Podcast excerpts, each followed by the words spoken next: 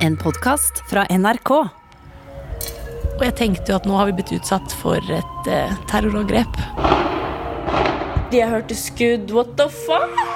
En høstdag i 2019 jakter politiet på en stjålet ambulanse på Torshov i Oslo. Så jeg har sett masse utrykninger av politi som raser etter noen og sånne ting før, men ikke på den måten. Dette var, helt, dette var som en amerikansk spillefilm. altså.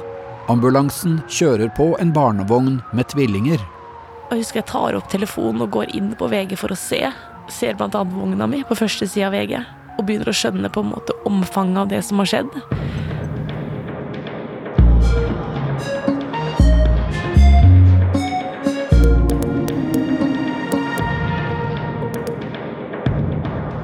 Du hører hele historien, andre og siste del om ambulansekapringen på Torshov av Markus Støle og Marte Spurkland. Så ambulansen kommer rundt hjørnet, og den kjører veldig vinglete. Så jeg vil tro at den har blitt skutt i hjulet, fordi den kjører veldig skeivt. På Torshov i Oslo ser 17 år gamle Charlotte Snertingdal slutten av en helt uvirkelig hendelse. En mann har kapret en ambulanse og kjørt i vill fart rundt i nabolaget. Og så krasjer den inn i porten. Det siste kvarteret har ambulansen kjørt på en barnevogn med tvillinger og nesten truffet fem andre personer. Politiet har skutt gjentatte ganger mot kjøretøyet. Nå står bilen endelig stille. Så det kommer en hvit bil, og ut av denne hvite bilen kommer det en mann i helt vanlige klær. Og så plutselig så skyter han denne ambulansen, sånn tre-fire skudd. Og jeg er da to meter unna han i høyde og bredde. Som vil si at jeg er rett ved han, og jeg fikk øyekontakt med han. Og det eneste jeg så, var en sivil mann som skjøt en ambulansesjåfør. Så jeg tenkte jo at han her kommer til å skyte meg òg, fordi jeg har sett han, jeg er et vitne. Og han har sett meg, så det var da jeg ble redd.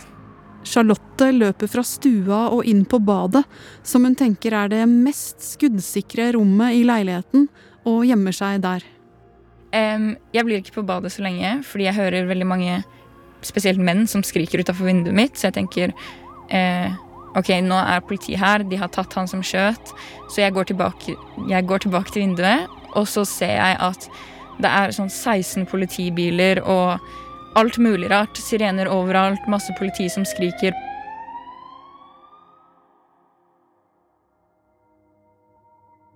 Hun setter seg i vinduskarmen og følger med på det som skjer utenfor. Politiet har nå avfyrt ti skudd mot førersiden på ambulansen, men gjerningsmannen har ennå ikke overgitt seg. Og det som skjer, er at de knuser vinduet på ambulansen. På sjåførsiden. Politiet sprayer pepperspray inn i bilen, og det virker. Gjerningsmannen rekker hendene i været. Og så drar de han ut av vinduet. Og så tar de han i håndjern og så arresterer han. Når de drar han ut, så ser jeg at han er en mann på, i sånn midten av 30-årene. Og at han har på seg en grønn Bay Pet-jakke, som er et populært merke blant unge. Det er veldig dyrt. I den kaprede ambulansen finner politiet en ladd avsagd hagle, 24 haglpatroner og til sammen 50 liter av det narkotiske stoffet GBL. De finner også en replika av en Uzi maskinpistol, altså et leketøysvåpen som ser ekte ut. I vinduet over den krasjede ambulansen lager Charlotte videoer som hun sender ut til vennene sine. Jeg er mye mer rolig nå. Det går fint. Det var helt jævlig. Jeg så en eller annen bil skutt, liksom. Um, så ja, takk til alle som liksom har sagt 'går det bra' sånn. Nede på gata sier kapreren til politiet at de bare kan skyte ham. Et stykke unna kommer Ricardo Calvar tilbake i bakeriet Backstube. Han flyktet da politiet skjøt mot ambulansen som passerte lokalet. Nå oppdager han kulehull i hodehøyde der kundene sto i kø. So I come down from from upstairs, and then I, I turn left, and I see on one of the windows of the bakery these uh, two um, bullet holes. And it's very good that uh, the bakery has two glasses because uh, the bullet went through one but didn't go uh, through the other ones. I get uh, goosebumps out of that. Fra politiets interne etterforskning skal det vise seg at kulehullene er rikosjetter fra de første skuddene som ble avfyrt. I think that given how violent it was, it's been one of the scariest uh, incidents in my life. Uh, I was uh, very much surprised uh, that that happened here in Norway. På Lilleborg barneskole rett i nærheten er alt fortsatt nedstengt. Lærerne holder barna rolige med film og kjeks, mens de lurer på hva som har foregått utenfor. Ja, det fikk vi også med oss etter hvert, at det var politiet som avførte de skuddene som var eh, dramatiske. De kunne jo ha truffet noen. Det er jo ikke bra. De burde ha litt mer kontroll. Den skytinga var jo like i nærheten av skolen, og det gjør det jo veldig skummelt. Det er jo der vi går hver dag. Vi kunne jo fort vekk ha vært på vei hjem fra en tur på akkurat det hjørnet hvor den kula rikosjerte, eller hva det nå heter. Og tenk om han hadde truffet en unge.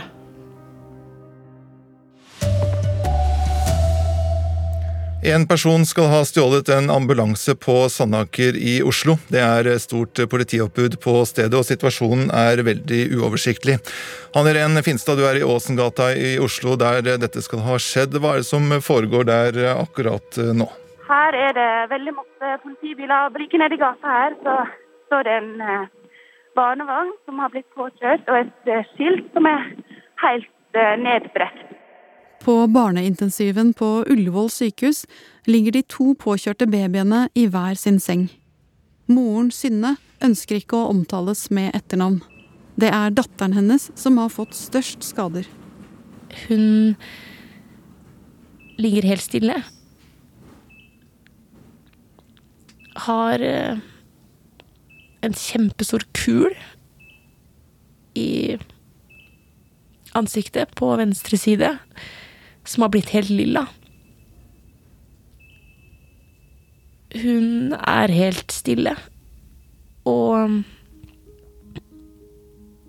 ja, forslått. Jeg klarer nesten ikke å se på henne, for jeg syns det er så fælt. Og så begynner hun å kaste opp. Da blir jeg så varm i hodet og uvel at jeg blir helt svimmel tenker at dette kommer aldri til å gå bra.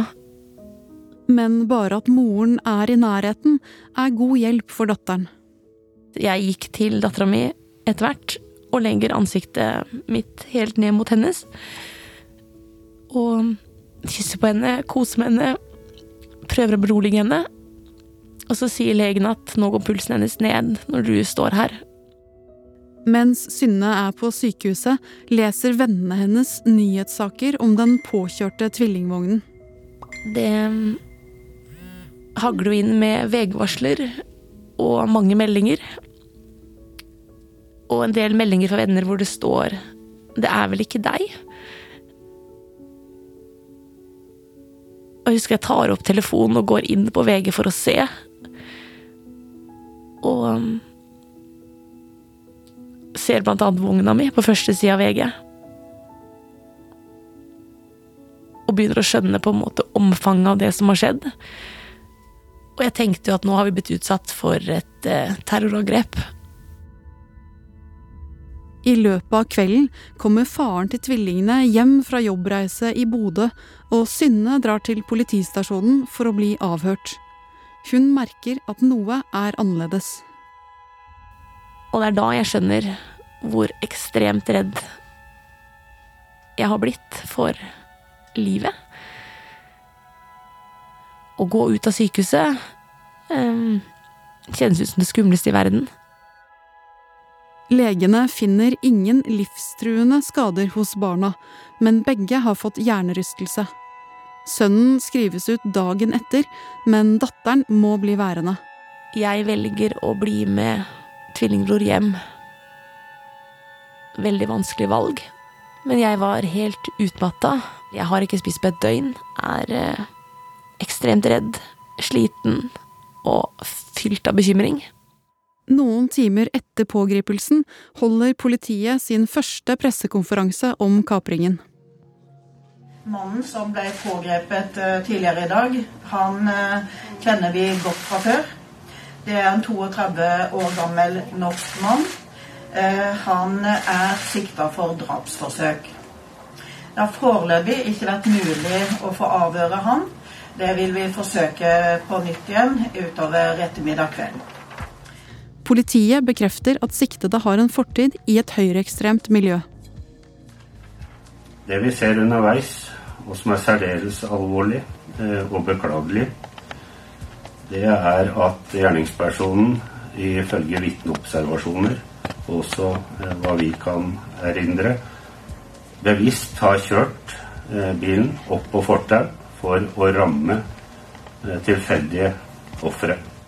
Kaperens forsvarer sier at ideologi ikke har noe med hendelsen å gjøre. Både de berørte og mediene spekulerer. Om det ikke var terror, hva var det da? Og så kommer det opp en At det er en som har stjålet en ambulanse og kjørt ned masse Eller prøvd å kjøre ned masse folk, sånn som det sto. Mia, som ikke ønsker å omtales med etternavn, leser nyhetsmeldinger om kapringen. Hun tenker med en gang at gjerningsmannen kan være han hun ser på som sin stesønn. Fra nå av velger vi å kalle ham Marius. Og så var det et bilde av en uh, fyr. Og kjente i en bukse. Og bare noen dager innan så har jeg fått en uh, snap av at han har kjøpt seg nye sko. Han var så stolt av de nye, fine skoene sine. Og de nye, fine skoene var jo på det bildet i avisen. Eller i den nyhetsartikkelen.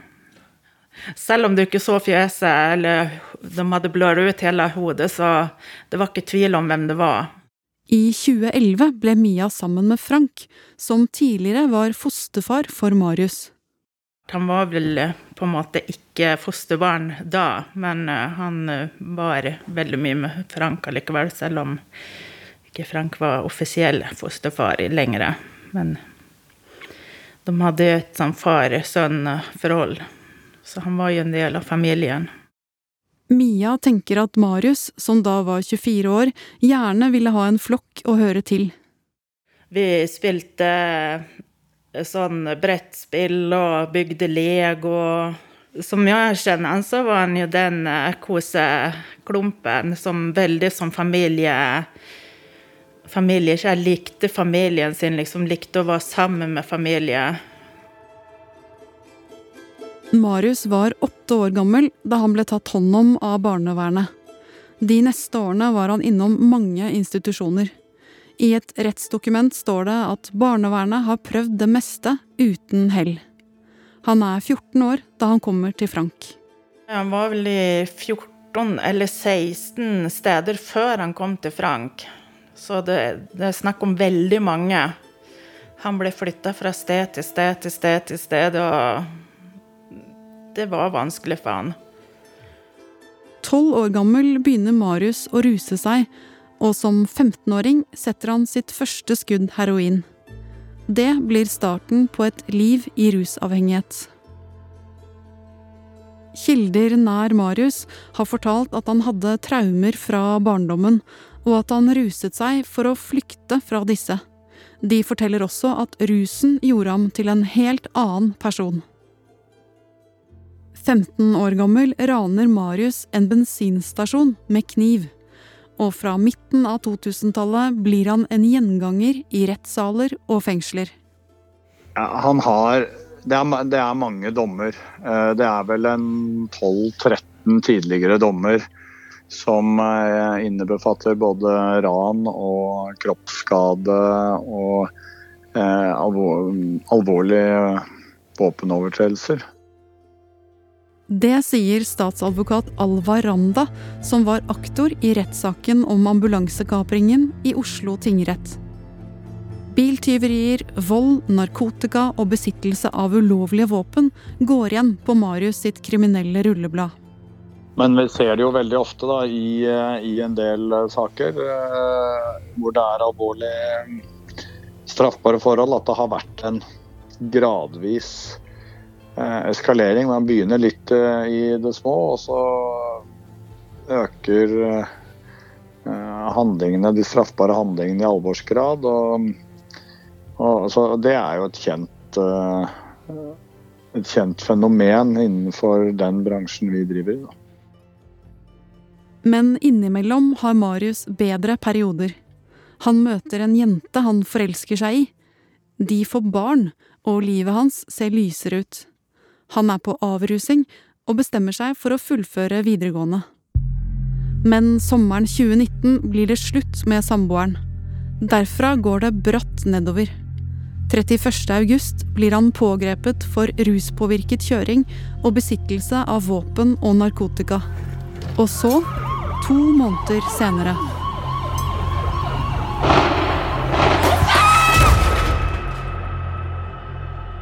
Til retten forteller Marius dette.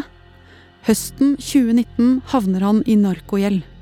Han skylder 50 000 kroner, og han har én sjanse til å gjøre opp for seg. Hvis han leverer et parti dop på Torshov, blir gjelden hans slettet. Men det går veldig galt den dagen leveransen skal skje. På veien krasjer han bilen og stjeler en ambulanse for å komme seg videre. Du så jo det at han var, eh, at var påvirka av, eh, av dop. Det så du jo. Thor sto ansikt til ansikt med Marius da han kapret ambulansen. Han ønsker ikke at vi skal bruke etternavnet hans. Til retten har Marius forklart at han brukte heroin hver dag denne høsten, og natta før dopleveransen var han på fest. Der tok han amfetamin og to typer reseptbelagte legemidler, og ble veldig rusa.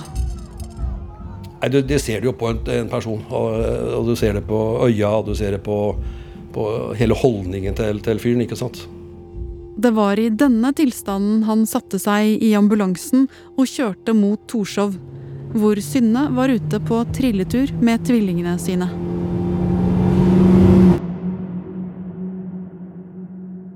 Jeg følte meg helt ko-ko. Jeg tenkte at det har klikka for meg. Jeg har, jeg har blitt uh, jeg har blitt gæren, for jeg går og er så redd hele tiden. Um, for Torshov-boere flest kommer livet tilbake til det normale igjen, kort tid etter kapringen, skuddene og krasjet. Men for Synne er ingenting som før. Det var jo sånn at uh, jeg kunne begynne å gråte hvis jeg hørte skrenselyder fra biler. Selv om tvillingene ikke fikk livstruende skader, er hverdagslivet snudd på hodet møtte jeg på en ambulanse i utrykning, så Jeg var helt sikker på at jeg kom til å bli påkjørt igjen. Og absolutt alle følelser fra den dagen flommer over meg da. Synne klarer ikke spise, og hun bekymrer seg for barna døgnet rundt. Hun frykter at legene har tatt feil, og at de likevel skal få senskader av påkjørselen. Men hun er også redd for å gå ut døra noen dager etter ulykken får hun besøk av kriseteamet som skal følge henne et helt år. Jeg fortalte om hva som hadde skjedd, og hvordan jeg hadde det. Jeg mm, hadde jo allerede da merka at jeg var ekstremt redd for sirener. Jeg satt jo i leiligheten min og hørte sirener. Det er helt vanlig når man bor på Sandaker Torshov. Altså, tidligere har jeg jo aldri lagt merke til den sirenelyden. Den kommer og går, og det er liksom en del av det å bo i byen. Men nå var det sånn at jeg ble svimmel. Um, kvalm. Kjemperedd. Synne blir tett fulgt opp av kriseteamet. En stund går det bedre, så blir det verre igjen. Ett år etter den dramatiske dagen får hun diagnosen posttraumatisk stresslidelse. Og det mm, Ja, det ble så ille at jeg fikk eh, angstdempende medisiner. Fordi jeg var så aktivert hele tiden. Jeg gikk med høye skuldre, mye hodepine, eh, sov dårlig. Og hadde på en måte veldig mange ting som ja, aktiverte meg, da, som gjorde at jeg ble veldig redd.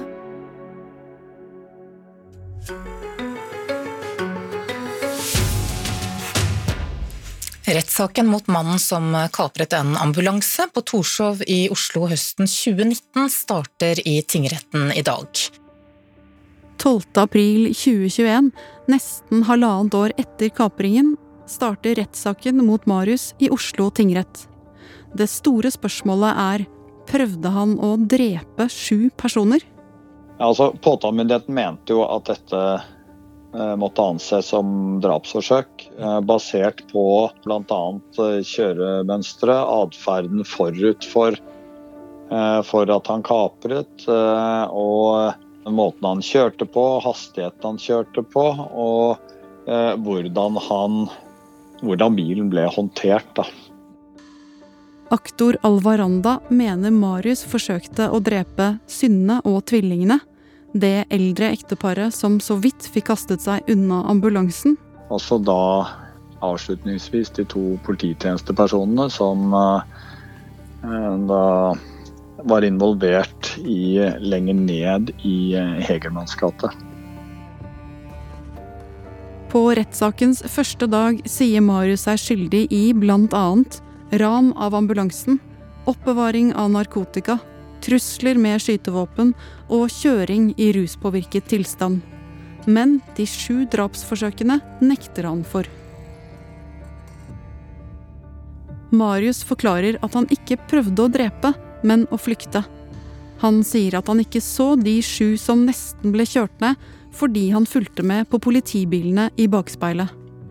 Men fra politimennene får han sterk motbør. De forklarer blant annet dette. Sitat. Jeg oppfatter at bilen skrenser inn i gata der vi står, og jeg får blikkontakt med tiltalte. Da ser jeg at han gjør et rattutslag mot venstre, og så kommer han rett mot oss. Jeg er 100% sikker på at han sikter på oss. Det går veldig fort, og jeg må konsentrere meg om å komme meg unna. Hvis ikke hadde jeg blitt påkjørt.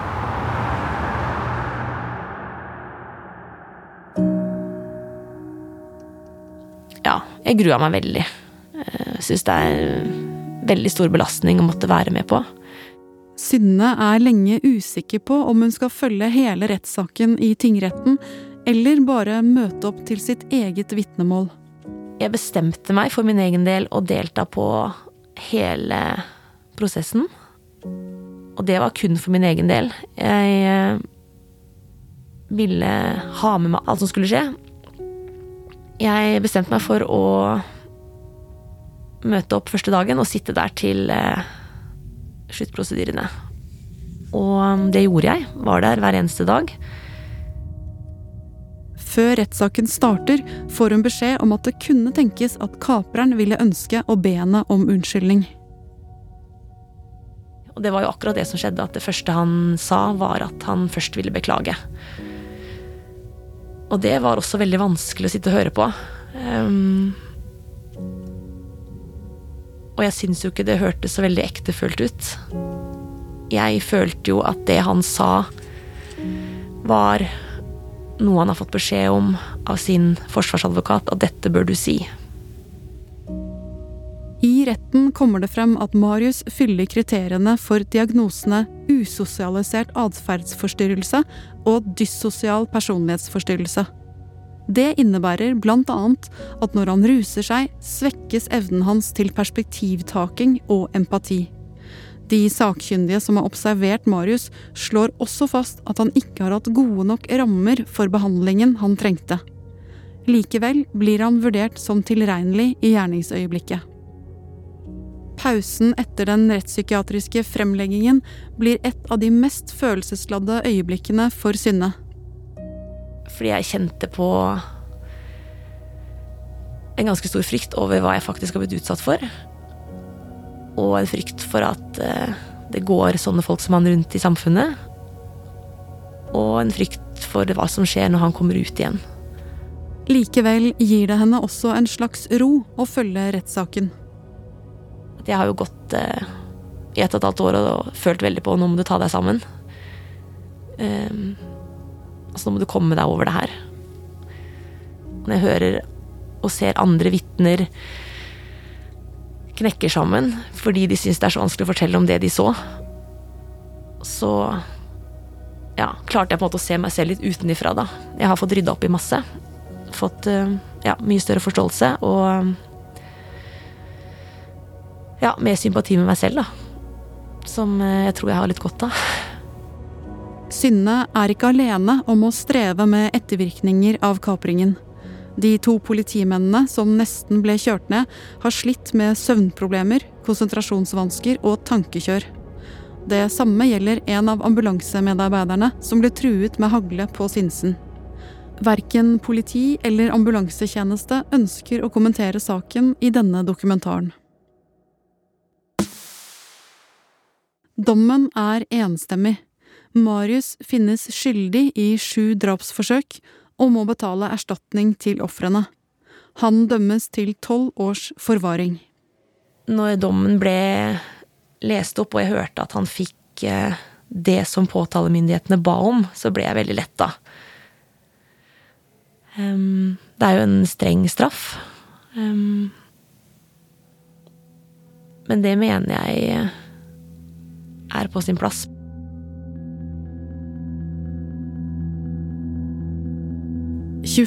januar 2022 starter ankesaken mot Marius. Den nye forsvareren hans er Torgeir Tønsaker Falkum. Jeg tror at det viktigste her er at flest mulig borgere føler seg trygge og føler at når politiet gjør en jobb, at den jobben er med på å øke tryggheten. Politiets spesialenhet har etterforsket de 19 skuddene som politiet avfyrte på Torshov uten å finne noe kritikkverdig. Men forsvarer Falkum er kritisk til selve politijakten. Eh, I dette tilfellet så vet man at eh, min klient har kjørt denne ambulansen i et sentrumsnært område med mange mennesker rundt. Vi vet at politiet på et tidspunkt de eh, la seg på hjul. De, eh, de fulgte etter han. Ifølge Falkum er det en kjent sak at mange kriminelle som forsøker å flykte og blir jaktet på av politiet, er rusa. Det er ingen som ønsker at rusede mennesker skal kjøre bil. Det, det i seg selv er jo selvsagt en, en fare for omgivelsene. Det skjønner alle. Men en ruset person som i tillegg blir jaktet på av politiet, mener jeg utgjør en vesentlig større fare for omgivelsene enn en ruset person. Enkelte ganger så kan det være nødvendig at politiet lar en gjerningsmann slippe unna der og da hvis risikoen er for høy. På Torshov står stamgjestene fortsatt og venter på at kaffebarene skal åpne om morgenen. Trikkene kjører i gata, barna leker på lekeplassene. Nesten alt er som før. Jeg har jo aldri gått og bekymra meg for folk som han tidligere. Um, og jeg har jo i den prosessen her skjønt at det er jo mange som han som går rundt. Um, og det er en veldig skremmende tanke. Det er jo veldig små marginer for at det, det kunne ha gått uh, veldig gærent. Og det at uh, barna tålte den trøkken som den vogna fikk, er jo det er et slags under. Uten at jeg er troende, så føler man jo at man har hatt eh, ekstremt englevakt.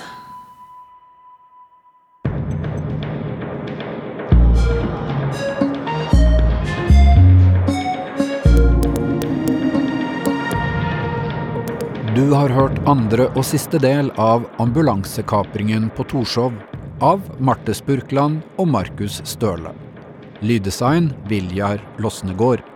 Produsent Marte Sundland.